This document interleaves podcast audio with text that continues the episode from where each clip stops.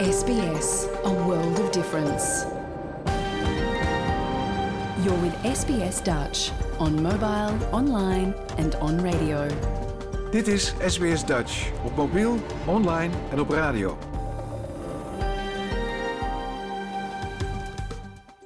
Graag erkennen wij de traditionele eigenaren en verzorgers van het land, van waar we vandaag SBS Dutch uitzenden, en uiten we ons respect aan de Camaragal mensen van de Kurungay Nation en hun ouderlingen uit het heden en het verleden.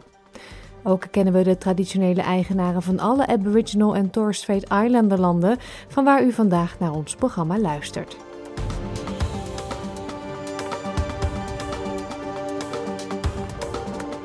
Goedemorgen, mijn naam is Paulien Roesink. Welkom bij SBS Dutch, het Nederlandstalige radioprogramma van SBS. Leuk dat u vandaag luistert. Vandaag weer een compilatie-uitzending met daarin interessante gesprekken en bijzondere verhalen van de afgelopen maanden. Zo vertelt universitair hoofddocent Chris Roelfsema hoe het ervoor staat met het Great Barrier Reef. Taalman Frans Hertogs onderzoekt hoe groot of klein de Nederlandse taal nu eigenlijk is. En met voormalig topzwemster en Olympisch kampioen Marleen Veldhuis praten we over mentale fitheid. Dat allemaal straks, nu eerst. Dit is SBS Dutch. Al wandelend of rijdend door dit prachtige land zou je wel eens gewond of ziek wildlife tegen kunnen komen. Wat moet u op zo'n moment doen en hoe kunt u ervoor zorgen dat het dier zo snel mogelijk de juiste zorg krijgt? U hoort het nu in Australia Explained. SBS Dutch op radio, online en op je mobiele telefoon. Australië is thuis voor enkele van de meest diverse en fascinerende wildlife ter wereld. Dit komt door de unieke evolutionaire geschiedenis die zich gedurende miljoenen jaren heeft afgespeeld op dit geïsoleerde continent. Als je door Australië reist, is de kans groot dat je enkele unieke diersoorten tegenkomt en die zullen niet altijd in goede gezondheid zijn. De dieren worden soms ziek, raken gewond door bijvoorbeeld een aanrijding of lijden door natuurrampen zoals branden of overstromingen. In deze aflevering van Australia Explained, samengesteld door Phil Chusak, krijgt u antwoord op de vraag: wat moet je doen als je gewond of ziek wildlife tegenkomt? Dit is SBS Radio Dutch. De wildlife in Australië varieert afhankelijk van het landschap, het klimaat en de habitat. Australië kent een grote verscheidenheid aan vogels, zoogdieren, amfibieën en reptielen, waaronder zowel giftige als niet-giftige slangensoorten. In de noordelijke streken leven boomkangoeroes, krokodillen en je kan casuarissen tegenkomen. In de drogere westelijke gedeelten van het land leven emus, rode kangoeroes en prachtige woestijnvogels. En in het zuiden van het land leven possums, wombats, wallabies en glidersoorten, maar ook zeehonden en penguins. En nog verder zuidelijk op Tasmanië leven natuurlijk de Tasmaanse duivels. Het is belangrijk om te weten wat je moet doen als je een gewond of ziek dier tegenkomt in het wild. Tania Bishop is dierenarts en heeft de afgelopen 24 jaar meegewerkt aan onderzoeken naar herstelprogramma's voor wildlife en wildlife hospitals die zorg geven aan wilde dieren in nood. Momenteel werkt ze voor de Wildlife Information Rescue and Education Service of WIRES, de grootste reddings- en wildlife educatie- en onderzoeksorganisatie van Australië. Whilst driving in Australia, it's not unusual to see wildlife from the car, especially in rural areas and especially at dawn and dusk when wildlife are on the move more. If you're out camping or exploring national parks, there's a good chance of encountering wildlife. En als je een ziek of gewond dier ziet, dan raadt dokter Bishop aan om zo snel mogelijk gespecialiseerde hulp in te schakelen. This could range from a local veterinarian or local council ranger to a telephone wildlife care helpline, or there are also mobile apps which can put you in contact with a wildlife rescue organisation that will rescue the wildlife and take it to get the care it needs. There are wildlife rescue and care organisations in every state and territory in Australia. So you can search online for the wildlife care helpline appropriate to where you're located. Ook is het belangrijk om aan uw eigen veiligheid en dat van anderen te denken en het dier indien mogelijk te beschermen met een handdoek. Especially if you find wildlife on the side of the road, it's always important to ensure that you park your car somewhere safe, where it's easily seen and you're in a safe position. Remember that injured wildlife will be frightened and they'll try to defend themselves when they are injured. It's important to approach any wildlife as quietly and calmly as possible to reduce causing them any further stress. Als je een dood buideldier tegenkomt, zoals een kangoeroe, wallaby, wombat of possum, dan is het volgens Dr. Bishop belangrijk om, als je dat veilig kunt doen, de buidel van het dier te controleren op de aanwezigheid van een joey. Only remove a joey from the pouch if it obviously has fur. If it has no fur, it will need to be removed from the pouch by a specialized carer, as their mouths are usually sealed to the teat at that stage, and removal could cause serious harm. It's important that a joey is kept in a warm, dark environment and gets to a carer as soon as possible. Er zijn enkele algemeen verkrijgbare huishoudelijke artikelen die gemakkelijk deel kunnen uitmaken van een basis EHBO-doos voor wilde dieren. A great wildlife first aid kit would include an old thick towel that doesn't have any loose threads for claws to get tangled in, a cardboard box or pet carrier, and thick gardening gloves. And if possible, a pillow slip for any orphan joeys you may find. Gewonde wilde dieren moeten zo snel mogelijk door een dierenarts worden onderzocht. Volgens de wet mogen alleen erkende en opgeleide dierenverzorgers en dierenartsen voor Australische wilde dieren zorgen vanwege de complexe behoeften van deze dieren. They are assessed to see if there's a good chance that with specialized rehabilitation and care that they have a good chance of returning to the wild. Once a veterinarian has treated and stabilized injured wildlife, they return to specialized carers that care for them from anywhere for a few weeks to a year or more for some species. Morgan Philpott is een wildlife carer bij Wires en helpt al meer dan 10 jaar bij de verzorging van gewonde en zieke wilde dieren. Hij heeft speciale interesse in de verzorging en rehabilitatie van koala's. Morgan legt uit wat er gebeurt als iemand de Wildlife Rescue Service belt. we as carers on our phones we'll get a, a message notifying us of, of the rescue. And if we are able to attend, then we will hit the attend button and then we'll get more details sent from head office via our, our app. And then generally we will make contact with the member of public and get more details and take it from there. These animals, particularly koalas and the more complex animals, really need to get to vets very quickly for assessment. Beslissingen over verdere behandeling van wildlife worden genomen in samenwerking met dierenartsen. Over het hele land zijn de wetten voor wildlife carers iets verschillend, maar over het algemeen zullen de dierenverzorgers het dier rehabiliteren en verzorgen en voorbereiden op een terugkeer in de natuur. Dit betekent dat het dier wordt vrijgelaten zodra is vastgesteld dat het over de noodzakelijke conditie en vaardigheid beschikt om in het wild te overleven. For an animal to be released back into the wild, it has to be able to function normally in the wild. So, for example, for a koala, it has to be able to climb. It has to be able to eat eucalyptus leaf. If it, if it can't do those things, then it, it cannot be released back into the wild because it's not going to do very well. En zoals Dr. Bishop uitlegt, kunnen helaas niet alle dieren meer in het wild worden vrijgelaten of gered. Sadly, some animals that are traumatically injured or terminally ill may require euthanasia. However, for those we can help, wildlife rehabilitation work is inspiring and incredibly rewarding in terms of the difference we can make. Morgan Philpott, die zeer gepassioneerd is over het helpen van de unieke native wildlife van Australië, bevestigt dit.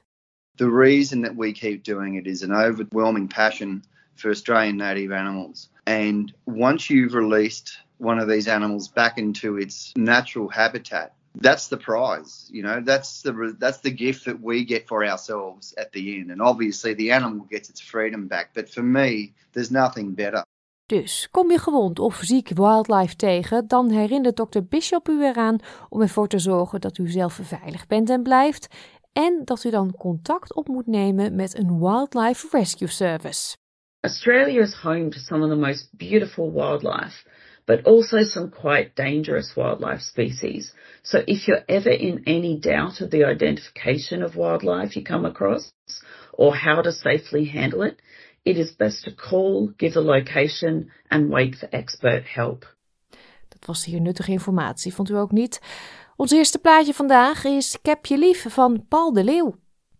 Universitair hoofddocent Chris Roefsema leidt het Research Station op Heron Island. En hij doet daar onder meer onderzoek naar de Great Barrier Reef. Het rif staat nog steeds op de werelderfgoedlijst van UNESCO, maar er moet wel actie ondernomen worden, anders zou het daar wel eens van kunnen verdwijnen. We vroegen Chris onlangs hoe het er nu echt voor staat met het Great Barrier en wat wij mensen kunnen doen om dit wonderschone stukje Australische natuur te beschermen. Jouw gemeenschap, jouw gesprek, SBS Dutch. Chris, wij hebben elkaar uh, anderhalf jaar geleden ongeveer al gesproken. Toen was je heel druk met reef mapping, want logisch, je kan pas vergelijken hoe het met het reef gaat als je vergelijkingsmateriaal hebt. Hè? Dus je wil het in kaart brengen. Hoe gaat het daarmee? Nou, het gaat goed. Dus we hebben verschillende projecten sinds uh, vorig jaar die dat werk continueren. En waar we ook specialiseren om betere methodieken te ontwikkelen om het uh, uh, nog beter te kunnen doen. Maar ook dat we nou funding hebben om ook het veld in te gaan en ook vergelijkbaar materiaal kunnen krijgen. Ja, ja. Dus dat, dat gaat de goede kant op. Ja. Um, je vertelde ook dat je um, nu op um, Heron Island zit. Ja, sindsdien ben ik nou een nieuwe positie erbij, of een part, wat eigenlijk part-time is, dat ik academic director ben van de Research Station, de University of Queensland Research Station. En in die rol help ik de Research Station om meer onderzoek te doen, maar ook meer mensen te trainen, maar ook uh, studenten, uh, school, high school en under- en postgraduate studenten. Maar ook uh, om ervoor te zorgen dat er engagement is met bijvoorbeeld de traditional owners uh, rond ons. En in die rol ben ik dus hier, maar ook in die rol ga ik ook uh, onderzoek doen op het RIF hier. Hmm. Hoe gaat het momenteel met de Great Barrier Reef? Nou, het, um, ik ben nu op een van de riffen, Heron. Dat is ongeveer 70 kilometer van de kust van Gladstone. Het is het zuidelijk gedeelte van de Great Barrier Reef. En uh, het rif hier ziet er erg goed uit. Er zijn heel veel, uh, heel veel hele hoge koraalcover. Uh, niet zo meer op de sloop, maar op de hellingen. Uh, in eerste instantie lijkt dat heel goed, maar als je wat langer kijkt, dan zie je dat de diversiteit van koralen is afgenomen. En dat is een karakteristiek, dat is zichtbaar over de hele Great Barrier Reef. Dat hoewel de coral cover toch een toename heeft gehad, het begint nou toch wat af te nemen. Uh, of af, uh, minder snel toe te nemen, moet ik zeggen. Maar uh, de diversiteit is duidelijk afgenomen. Ja, dat is jammer. Dat is niet goed voor het rif. Ja, dus de riffen groeien, maar nu wel minder hard en het is minder divers. Minder soorten visjes, minder soorten koralen. Ja, precies. Zijn er dieren of koralen die je mist die echt wel heel erg belangrijk zijn voor het voortbestaan van de Great Barrier Reef, die je nu minder ziet? Nou, dit zijn koralen koralen die overblijven zijn de snel groeiende koralen. Die als het ware, dat is nog steeds 12 centimeter per jaar, is niet eens zo snel. Maar, maar dat zijn ook de koralen die het snelst groeien, het snelst afbreken. Het is net zoals als een weed, als een uh, onkruid. Dus het groeit heel snel, maar het breekt ook gauw af. Um, het probleem is dat de koralen die sterker zijn en langer blijven, daar zijn er minder van. En dat maakt het rif als geheel uh, zwakker. Ja, nou zeg je dus, het ziet er hartstikke mooi uit eigenlijk. Maar er zijn wel zorgen, hè? want we komen natuurlijk nu uit de winter. Uh, het was best een mooie winter qua voor mensen, denk ik. Een mooi zacht temperatuurtje. Niet meer al die regen die we de afgelopen jaren hebben gehad door La Nina. Maar ze zeggen wel dat El Nino er weer aankomt. En dat baart toch ook ja, zorgen? Ja, dat, dat baart zeker zorgen. Want hoewel het klimaat misschien lekker voelt voor de mens, het is eigenlijk te warm. Uh, of eigenlijk, het is te warm. En warmer dan normaal. En dat houdt in dat de zee ook uh, warmer is dan normaal. En als de zee warmer is dan normaal, dan gaan dieren, die worden gestrest. En bij koralen is het zo, dat is een, een diertje dat in symbiose leeft met een klein plantje. Uh, dat heet zooxantelli. En die hebben elkaar nodig. Maar op het moment dat de koraal gestrest is door de hete water, kikt het het plantje eruit. En als het te lang gestrest is, dan gaat het koraal dood. En dat kan vier tot vijf weken zijn en dan gaat het dood. En op dat moment uh, gaat de voorraad, maar ook de, de beschermende omgeving voor, om, voor vissen om te, te verstoppen, die wordt verminderd. En dat heeft direct impact op de sterkte van het rif en de dieren die er leven. Ja, dus dat is eigenlijk het begin van uh, dat verbleken. Daardoor hè, plantje dood, dan gaan de, de, dieren die kunnen daar niet meer uh, schuilen, niet meer eten vinden. En zo gaat het zo'n sneeuwbaleffect yes. het eigenlijk. Ja, precies. Ja, en nu is het water dus al best wel warm, zei jij uh, eerder tegen me. Ja, het is, het is veel te warm. Ja, maar is daar iets aan te doen? Nee, uh, ja, de, niet voor deze zomer nee, natuurlijk. Nee, het, is niet, het, is niet, iets wat je in één keer kan doen. Uh, maar wij als mensen op aarde moeten er samen wat aan doen. Net zoals dat we samengewerkt hebben om de problemen rond COVID zo, zo gauw mogelijk tegen te gaan, moeten we nu ook elkaar helpen te gaan samenwerken om het klimaat uh, minder snel te laten veranderen. Uh, en dat houdt in dat we onze carbon footprint kleiner moeten maken. Uh, en daar kunnen we thuis mee beginnen. We kunnen de lampen wat korter aandoen, de airconditioning wat minder hoog, het zwembad wat kouder doen. Um, als we al die stappen doen met z'n allen, dan heeft het kans. Met, z'n, met de openbaar vervoer of op de fiets natuurlijk, zoals we in Nederland doen, uh, op de fiets gaan. Um, en minder met één, met één persoon in een auto, als we dat allemaal, echt allemaal gaan doen, dan zijn dat in ieder geval kansen die we onszelf geven dat het klimaat minder snel verandert. Mhm. Maar we moeten het wel doen. Ja. En verandering, dat is niet te stoppen. Dat is iets, dat heeft de geschiedenis uitgewezen dat nee, gebeurt. Het is, uh, de klimaatverandering is er altijd geweest. Dat is niks nieuws. Dat is in de geschiedenis geweest. Dus het is ook niet zozeer van dat we ontdekken dat we klimaatverandering hebben. Nee, we ontdekken dat klimaatverandering veel sneller gaat dan ooit eerder ontdekt is. En dat dat vooral te maken heeft met onze invloed als mens op uh, de wereld. We, net zoals ik al zei, we hebben een te grote carbon footprint en die moeten we kleiner maken. Ja, nou noemde je ook net COVID. Was er in die drie jaar dat we bijna allemaal niet konden reizen, was dat ook duidelijk te merken in de zee? Uh, nou, ik denk dat dat heel moeilijk aan te wijzen is, omdat in die tijd het ook een El Niña was. Uh, wat ook een ander klimaat geeft, waardoor het minder vergelijkbaar is. En we weten allemaal dat in die tijd te veel stormen en zo waren, en, uh, en nog steeds. En dat heeft toch een, een andere impact. Dus het is heel moeilijk om te zeggen of dat nou een uh, goede of een, een, negatieve of een positieve impact had. Hmm. Ja, nou, negatief kan bijna niet, zou je denken. Het alle beetjes helpen. Ja, ja, dat is inderdaad. En zo moeten we daar ook met z'n allen mee bezig zijn. En zeg ik niet van we moeten stoppen met lampjes aandoen in huis en uh, airconditioning aandoen. Maar als we met z'n allen verminderen en daar gewoon veel minder mee bezig zijn en minder materialen kopen, uh, langer met onze kleren doen of tweedehands kleren kopen. Dat zijn allemaal componenten die helpen onze carbon footprint te verminderen. Ja. En natuurlijk ook uh, sustainable energy, dus uh, zonnepanelen, windenergie, allemaal dat soort dingen. Daar heeft Australië nog hele mooie kansen, denk ik. Ja, heel veel. Ja, ja. Um, nou was vorige maand in het nieuws UNESCO, uh, de World Heritage List, de Great Barrier Reef is daar onderdeel van, bekend werd dat um, het reef daar nog op blijft staan en niet naar de endangered, de bedreigde lijst gaat. Was je verbaasd toen je dat hoorde? Nee, niet helemaal. Want um, het RIF verhoudingsgewijs heeft het goed gedaan. Of de Barrier Reef heeft het goed gedaan. Want de hoeveelheid koraal is niet verminderd. De diversiteit is verminderd, maar niet de hoeveelheid koraal niet. En in sommige plekken is ook toegenomen.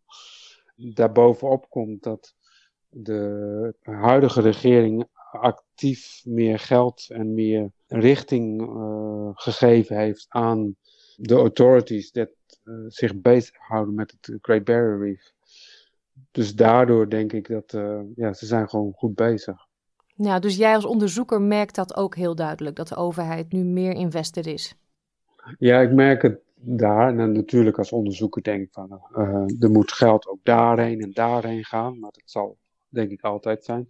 Maar we merken ook dat mensen in hogere posities al gauwer beslissingen mogen nemen om veranderingen te krijgen. In vergelijking met een paar jaar geleden. Hmm. Nou ben ik zelf nog nooit in de Great Barrier Reef geweest. Um, nou, dan, dat is een fout. Ja, nou ja, dat was mijn vraag. Is dit iets uh, waarvan je denkt, nou, ik zou willen dat er veel minder toeristen komen? Of mogen wij als toeristen nog steeds langskomen? Laat ik het zo zeggen. Want, ik, ja, nee, ik denk dat het erg belangrijk is dat toeristen nog steeds naar het Rift toe gaan. Want um, ze hebben wel een impact, dus er is geen twijfel over mogelijk. Maar relatief tot climate change, dus de coral bleaching, is dat misschien een klein gebied. En daarbovenop komt is dat hoe kan je van iets houden als je het nog nooit gezien hebt? En door iets te zien en iets te leren kennen, kun je ook beter beslissing nemen voor jezelf hoe je ervoor wil zorgen. En door naar het rif te gaan, leer je het rif kennen. En zie je hoe bijzonder het is en hoe uitgestrekt het is. En daardoor kun je het ook meer gaan waarderen.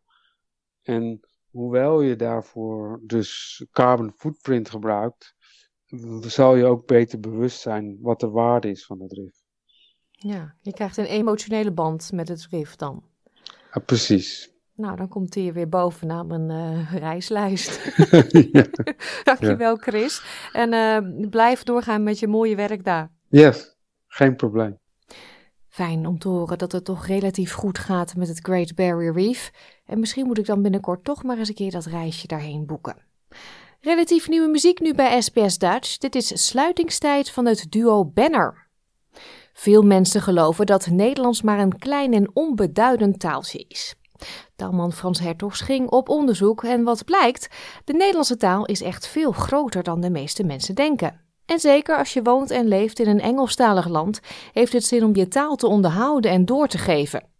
Want de taal waarin je brein is geprogrammeerd, is de taal die altijd bij je blijft.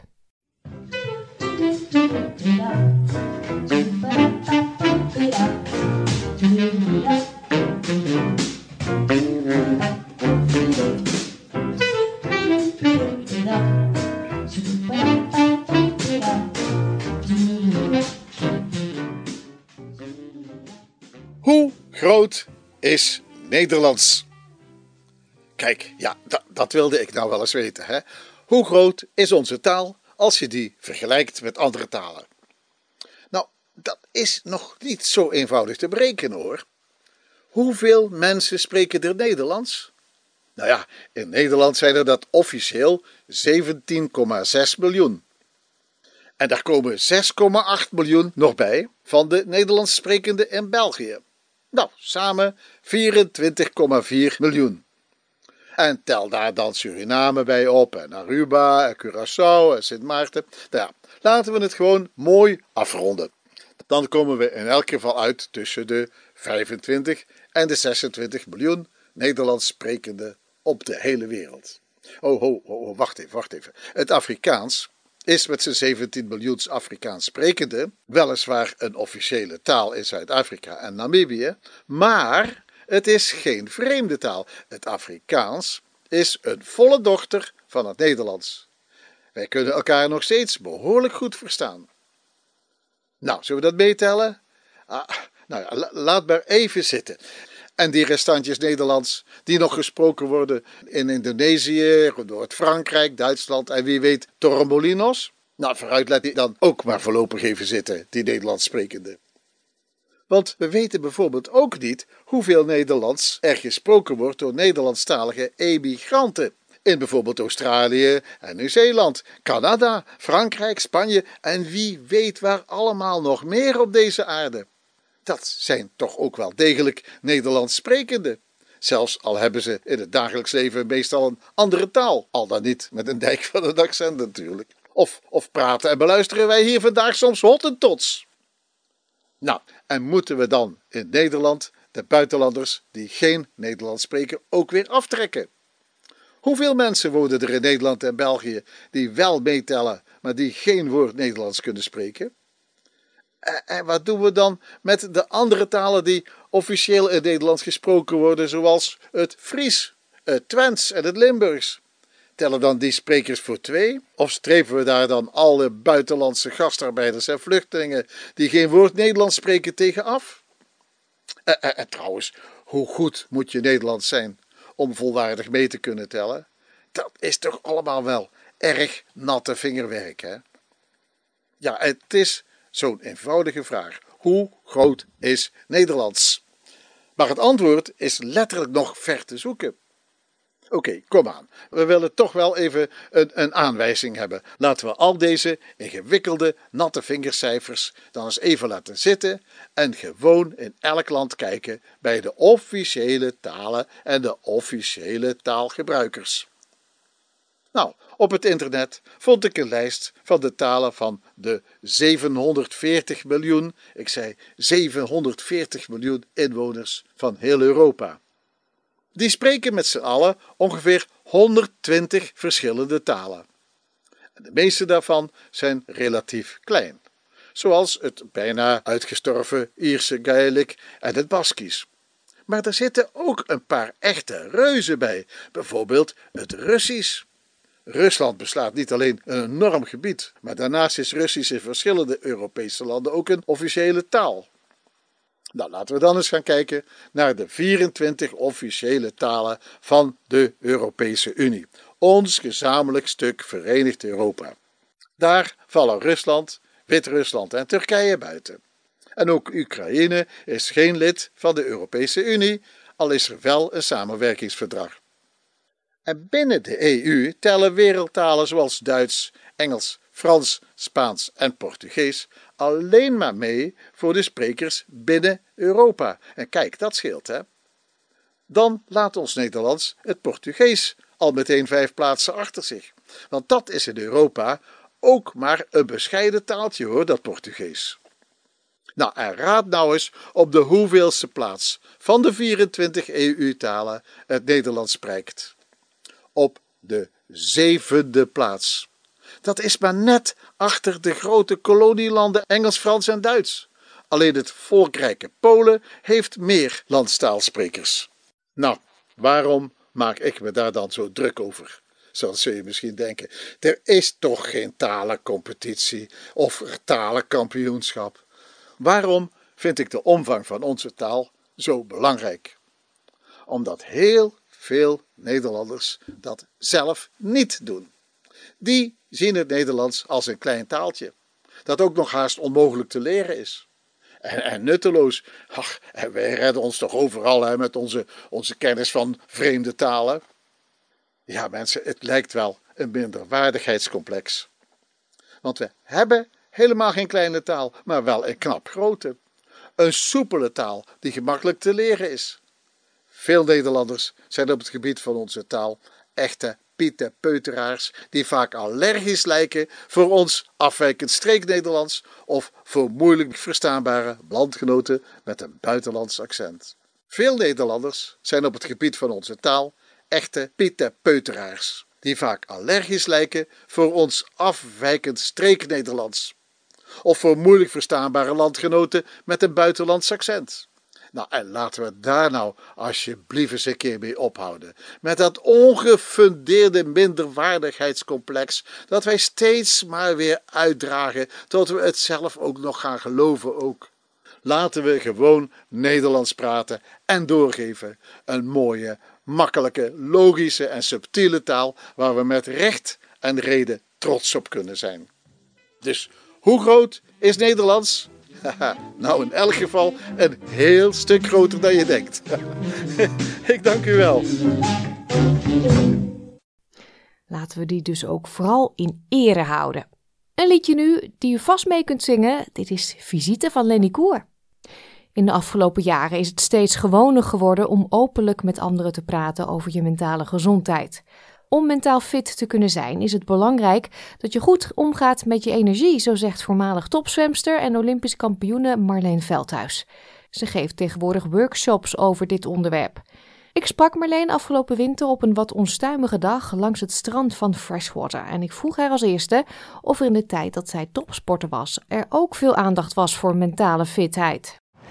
Ja, als topsporter ehm, was dat eigenlijk ook heel belangrijk. Ten eerste wil je, ja, moet je mentaal fit zijn om te kunnen presteren onder druk. Dat, uh, ja, dat je onder de hoogste druk, je kan je voorstellen, je, zit, je traint ergens vier jaar voor voor een race van 23 seconden. Er zitten uh, duizenden mensen in een stadion en miljoenen mensen zijn aan het kijken. Ja, dan wil je graag goed presteren. En, maar dat geeft ook wel enige druk, understatement.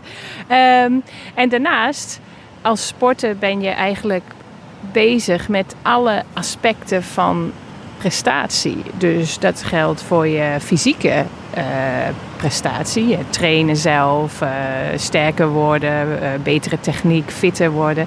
Maar ook je mentale en je emotionele prestatie is daar natuurlijk ook heel erg belangrijk in. En voor mij is dat ook wel uh, als sporter, en, in mijn geval als zwemmen, werk je altijd toe naar uh, ja, de laatste paar weken voor een groot toernooi. Die heet Taperen. Uh, dat komt eigenlijk van de Australische zwemtrainer Forbes Carlyle, die, van de Carlyle zwemscholen die iedereen wel kent. Maar die heeft het concept taperen bedacht. En taperen betekent eigenlijk spits toelopen. Dus in de laatste drie weken, drie, vier weken, ja, wil je, werk je naar een topprestatie. Je kan niet een topprestatie leveren als je volledig moe bent van de training. Dus in die laatste drie weken moet je en uitrusten. Maar je wil ook fit zijn om snel uh, te zwemmen. Dus wat, hoe zag dat er voor ons uit, die, die, dat taperprogramma? Nou steeds minder zwemmen, nog maar één keer per dag, maar wel twee, drie keer per week echt uh, races oefenen. Dus racebadpak aan voor de training en, en races oefenen. Ik zwom in hetzelfde team als Pieter van der Hogeband. En ja, hij was eigenlijk een koning in het taperen. Hij sliep vier weken lang 16 uur per dag. Uh, zwom één keer per dag, uh, las tussendoor kranten, dronk een kopje koffie, keek een filmpje. Kwam hij uit zijn hotelkamer, uh, zwom twee banen in 46 seconden en werd Olympisch kampioen. Dus, maar doordat hij zo succesvol was, was zijn manier van taperen, zijn manier van voorbereiden op de wedstrijd, je volledig afzonderen, heel veel slapen en verder niks doen, was eigenlijk een beetje de gouden standaard. Dus dat deed ik ook voor de Olympische Spelen van Peking. Ik was um, eerste en tweede geplaatst op de 50 en de 100 vrij. Dat geeft al heel veel druk, lijkt mij. Uh, ja, dat kun je wel zeggen, ja. Uh, ja, dus voor mij was die manier van voorbereiden... Ja, het, Pieter van der Hogeband die is er goed in, dus zo doen we het. Dus voor mij voor de Olympische Spelen van Peking... we waren vier weken van tevoren reizen we naar Hongkong... om aan de tijdzone te wennen en ook om aan de, de klimaat te wennen. Ja, vier weken lang trainden we één keer per dag. Verder gingen we koffie drinken, slapen, uh, spelletjes doen. Ja, voor mij was dat niet goed. Ik werd er zo sloom van. En ik had toch ja, meer stimulans nodig van, van buiten. Dus voor mij, ja, we werden in Peking Olympisch kampioen in de estafette. Maar op mijn persoonlijke afstanden waren voor mij heel teleurstellend. Ik werd zesde op de 100 vrij en vijfde op de 50 vrij. En dat is wel teleurstellend als je zo geplaatst bent. Dus voor de Olympische Spelen van Londen dacht ik, ja, ik moet wat anders doen. Ik was in Peking fysiek helemaal top. Maar mentaal ja, was, ik, was ik er niet klaar voor, voor, voor die races. Dus ik dacht, ja, als ik het nu anders doe, hoe zorg ik ervoor dat ik mentaal klaar ben voor die races? Dus in plaats van vier weken van tevoren naar het toernooi, ben ik in Londen vier dagen van tevoren naar het toernooi gereisd. Dat was zelfs zo laat dat ik in Eindhoven door de stad fiets en dat mensen bij de bakken zeiden: uh, Het begint over vier dagen, moet jij niet, uh, moet jij niet gaan? Ik zei: Ja, dat komt goed. En ja, dat kwam het ook. Ik won daar uh, een medaille op de 50 meter vrijslag. En inderdaad een, uh, een medaille bij de estafette wonnen we ook. Um, en voor mij was ik, ik was ja, denk ik fysiek beter in Peking, maar veel beter mentaal in, in Londen. Doordat ik gewoon de voorbereiding deed die bij mij paste. Die uh, ja, wat meer sociale interactie, wat meer verschillende dingen doen. Gewoon wat meer stimulans in plaats van alleen maar in een tunnel zitten. Dus ja, ook de mentale gezondheid, de mentale welzijn, ja, is zo belangrijk bij een topprestatie. Of dat nou in het zwembad of ergens anders is. En uh, een ander aspect, misschien een beetje off-topic, maar dat is als jij dan zo'n teleurstellende race hebt in Peking, dat er dan ook een camera klaar staat om met je te praten, dan moet je ook sterk in je schoenen staan. Ja, en voor mij, mijn, mijn uh, tactiek om met media om te gaan tijdens die toernooien was eigenlijk. Ik denk dat het groot verschil is met de generaties die nu zwemmen of sporten. Ja, ik zette mijn telefoon uit, ik las geen kranten, ik las niks. Uh, en inderdaad, dan heb je nog steeds wel gelijk na een race dat er een camera in je gezicht staat. Terwijl je ja, rode strepen hebt van je badmuts en je bril. En je staat te hijgen. En uh, hoe vond je het zelf gaan? Um, maar um, ja, dat en met tranen misschien wel die brand, omdat je zo baalt. Ja, en je lichaam zit vol met adrenaline. Want je zwemt een race waar je ongeveer vier jaar lang naartoe hebt gewerkt. Dus ja, je adrenaline komt ongeveer je, je, oren uit. Um, dus ja, ik denk ook niet dat het veel van mijn beste interviews zijn geweest.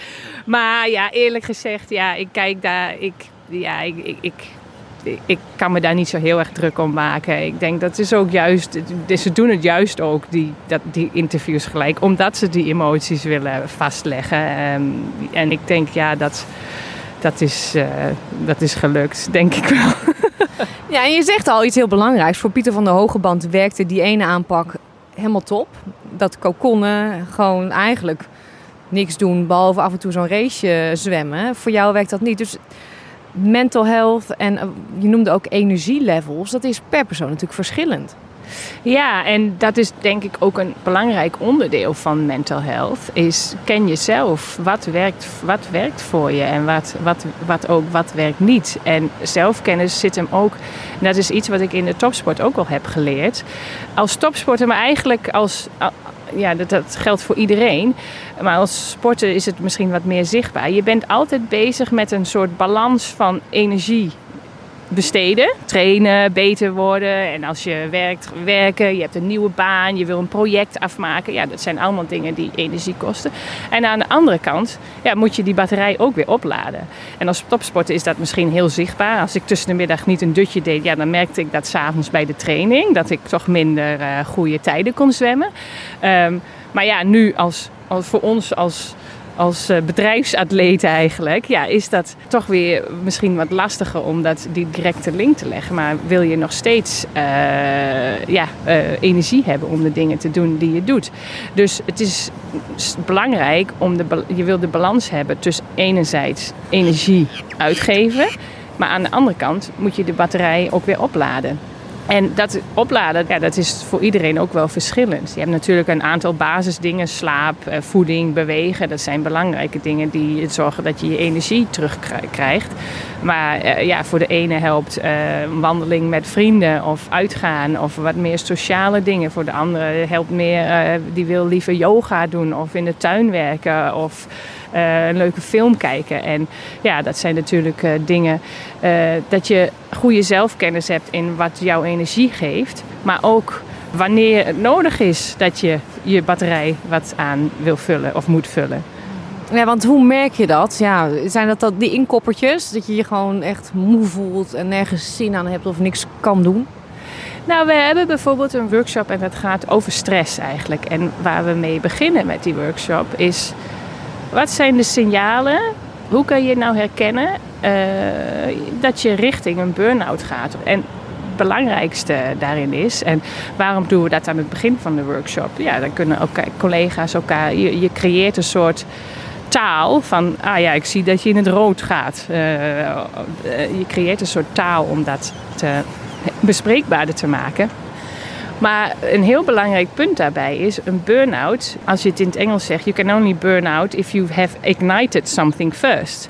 Dus een burn-out begint vaak met: oh, je hebt een nieuwe baan, of je hebt een nieuw project, of je hebt een baan en je gaat daarnaast een huis bouwen. Het begint vaak met iets heel positiefs. Van je hebt er zin in en ja, je vindt het niet erg om lange dagen te maken, om veel uren te maken, want ja, dit is een gaaf project.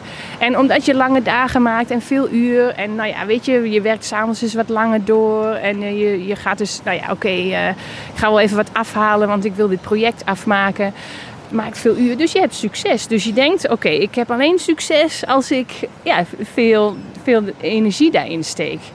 Uh, maar ja, goed, dat is niet eh, duurzaam. Na verloop van tijd denk je misschien toch, ja, eh, ja, ik ben toch nu wel een beetje moe. Ja, er komt er een beetje rafeltjes komen in je energie en in wat je doet.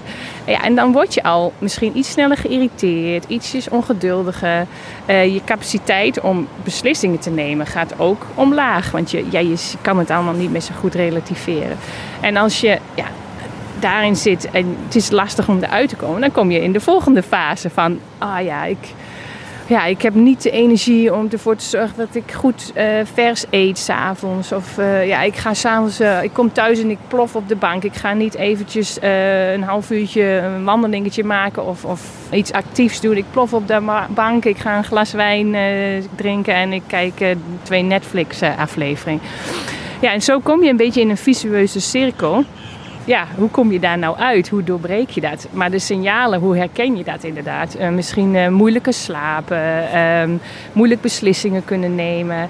Uh, het kan ook echt fysiek gevolg zijn. Het kan aan de ene kant mensen zorgen dat het... Aan de ene kant kan het constiperen. Sommige mensen die verstoppen en andere mensen krijgen die, diarree van. Dus dat kan ook fysiek uitslagen in je gezicht kun je hebben. Of geïrriteerd, ongeduldig. de tekenen zijn er eigenlijk allemaal. Ja, ja, ja. Maar toegeven, dat lijkt me dan lastig. Ja, hoe los je dat nou op? Hoe kun je nou ervoor zorgen dat je die visueuze cirkel doorbreekt? En die herkenning is natuurlijk een goede eerste stap daarin. En ook toch terug naar de basis, die ook voor mij als sporten geldt. Hoe kan je nou ervoor zorgen dat je je energie terugkrijgt? Meer aandacht aan slaap besteden. Misschien wat in de workshop hebben we daar ook allerlei tips aan besteed. Wat kan je helpen om je slaap te verbeteren? Uh, voeding of bewegen. Misschien een kleine stap in plaats van inderdaad s'avonds gelijk op de bank te ploffen. Een kwartiertje door de, door de buurt lopen. Uh, uh, dat soort dingen. Dus ja, dat eerst moet je toch een kleine basisenergie uh, weer terug hebben om ervoor te zorgen dat je dat kunt veranderen. Hmm. En als jij niet goed in je energie zit, je hebt te weinig energie, dan heeft dat natuurlijk effect op jezelf, op je gezin als je die hebt, maar ook als je naar je werk gaat. Je, je, je collega's hebben er ook last van. Ja, ja, ja, zeker. En uh, dus ik denk ook dat, dat we met elkaar als collega's ook een verantwoordelijkheid hebben van uh, ja, hoe gaat het uh, met je? En uh, ja, je bent wel een beetje kort af of kort door de bocht. Eh, wat, wat is er aan de hand? Ik ben gewoon Nederlands, kort door de bocht. ja, precies. Recht voor zijn raap. Nog korter door de bocht. ja. ze hebben hier gelukkig Are You OK Day natuurlijk, elk jaar. Dat is een mooie stap, denk ik. Maar dat mogen mensen wat vaker vragen dan eens per jaar. Ja, dat, zeker. En, uh, ja, en het is misschien ook zo, kijk, uh, door thuiswerken is er misschien toch ook wat afstand ontstaan. Maar uh, ja, dan... En de scheidslijn, die is gewoon heel dun geworden. Want je doet alles vanuit huis nu. Je huis is ook je werkplek en je ontspanplek eigenlijk. Ja, en dat zie ik ook in de workshop. is heel veel. Uh, ik vraag altijd aan het einde van: Goh, wat, wat, wat, wat zijn je dingen die je, waar, je, waar je wat het meeste aan hebt gehad? En heel veel mensen zeggen: Ik geef op een gegeven moment ook tips om hoe je ja, kunt disconnecten. Hoe zeg je dat in het Nederlands? Hoe je kunt uh, uitschakelen even. Uitschakelen. Want inderdaad, als je thuis werkt, ja, dan is het twee stappen van je bureau naar de keuken. En uh, tussen een meeting en even gaan eten met je kinderen is ook, ook uh, een kleine stap. En het zijn vaak hele simpele tips van oké, doe de deur dicht van je werkkamer als je een werkkamer hebt. Of schakel echt je laptop uit. Of uh, ja, oké, je bent klaar met uh, werk. Doe dan, je, je kan je andere kleding aandoen. Als je, alsof je een soort ritueel inbouwt, een soort overgangsritueel van oké, werk is klaar. Uh, ik begin nu met, met privé-tijd. Um, en, en, ik merk gewoon dat mensen daar best wel. Het zijn eigenlijk hele simpele tips. Het is niet hoog, geen hogere Maar ja, soms een soort verfrissing van. Ah ja, dat ga ik eens proberen. Uh, en bijvoorbeeld ook met je telefoon. Technologie kan daar ook wel helpen. Dan heb je eigenlijk alles goed gedaan. Je bent klaar met werken. Laptop dicht. Eten gekookt. Een wandelingetje gemaakt. Uh, nou ja, van alles gedaan. Kinderen in bed. En dan zit je s'avonds op de bank en dan denk je. Ah ja, nog even kijken had je alle e-mails weggewerkt en dan zie je ineens bij de e-mails, daar zie je vijf nieuwe e-mails. Ja, open je dat, begint het weer opnieuw natuurlijk. Dus je kunt ook die notificaties van um, vijf nieuwe e-mails kun je uitschakelen. Dat is een technische uh, oplossing, maar dat kan wel helpen. Of je kunt zelfs de werkgerelateerde apps op je telefoon... kun je naar een volgend scherm uh, slepen. Uh, en ja, of helemaal de verwijderen van je privételefoon. Als je inderdaad een privételefoon hebt, kun je je werktelefoon uitschakelen. En um, ja, het, is, het zijn simpele dingen, maar het geeft wel de praktische tips om ervoor te zorgen dat, het, ja, dat, het, uh, dat je echt kan afschakelen, uitschakelen, afsluiten van je werk s'avonds. Ja, en je coacht dus nu mensen op dit vlak. En wat is nou die ene gouden tip die je dan cadeau kan geven nu? De ene gouden tip. Ja, ik denk. Um, ja, dan moet ik heel goed nadenken, want ik wil natuurlijk wel de gouden tip geven. ja, uh, balans. En dat klinkt een beetje soft en zweverig, maar dat is het totaal niet. We willen allemaal, en dat is ook een beetje een paradoxaal, we willen allemaal stabiliteit en inderdaad uh, geen stress. Of, maar aan de andere kant willen we wel die promotie en we willen wel graag succesvol zijn. Dus ja, om daar een balans in te vinden uh, is een uh, essentieel onderdeel van het leven. En misschien eigenlijk nog een betere tip is dat je batterij opladen, dus herstellen, energie opladen, in welke vorm dan ook, is een essentieel onderdeel van prestaties. Als topsporter kun je niet presteren als je niet na een training rust, herstelt. Precies hetzelfde geldt voor ons bedrijfsatleet. We kunnen niet maar doorgaan, doorgaan projecten. Als je een project afsluit, sluit je het af. Ga je met je team zitten. Uh, wat ging er goed, wat ging er niet goed, voordat je met een nieuw project begint. Of je hebt een jaar, een financieel jaar eindigt. Wat, eh, wat hebben we in dit financiële jaar? Wat waren de tops, wat waren de flops? En hoe gaan we verder met het nieuwe jaar, met het nieuwe seizoen? Met welke spelers en dat soort dingen. Dus herstel is een essentieel onderdeel van prestatie. U hoort een gesprek met Marleen Veldhuis. Tot zover deze aflevering van SBS Dutch. Wilt u onze verhalen nog een keer beluisteren? Ga dan naar onze website www.sbs.com.au/dutch of download de gratis SBS Audio app op uw telefoon of tablet. Dit kan in Google Play of in de App Store. We zijn ook op Facebook te volgen. Zoek op SBS Dutch of ga rechtstreeks naar www.facebook.com/dutch. Like, reageer en blijf op de hoogte van ons programma. We sluiten dit uur af met Moeder, ik wil bij de revue van Wim Sonneveld. Alweer zo'n lekkere meezinger. Ik wens u een hele fijne middag en heel graag tot volgende keer. Dag!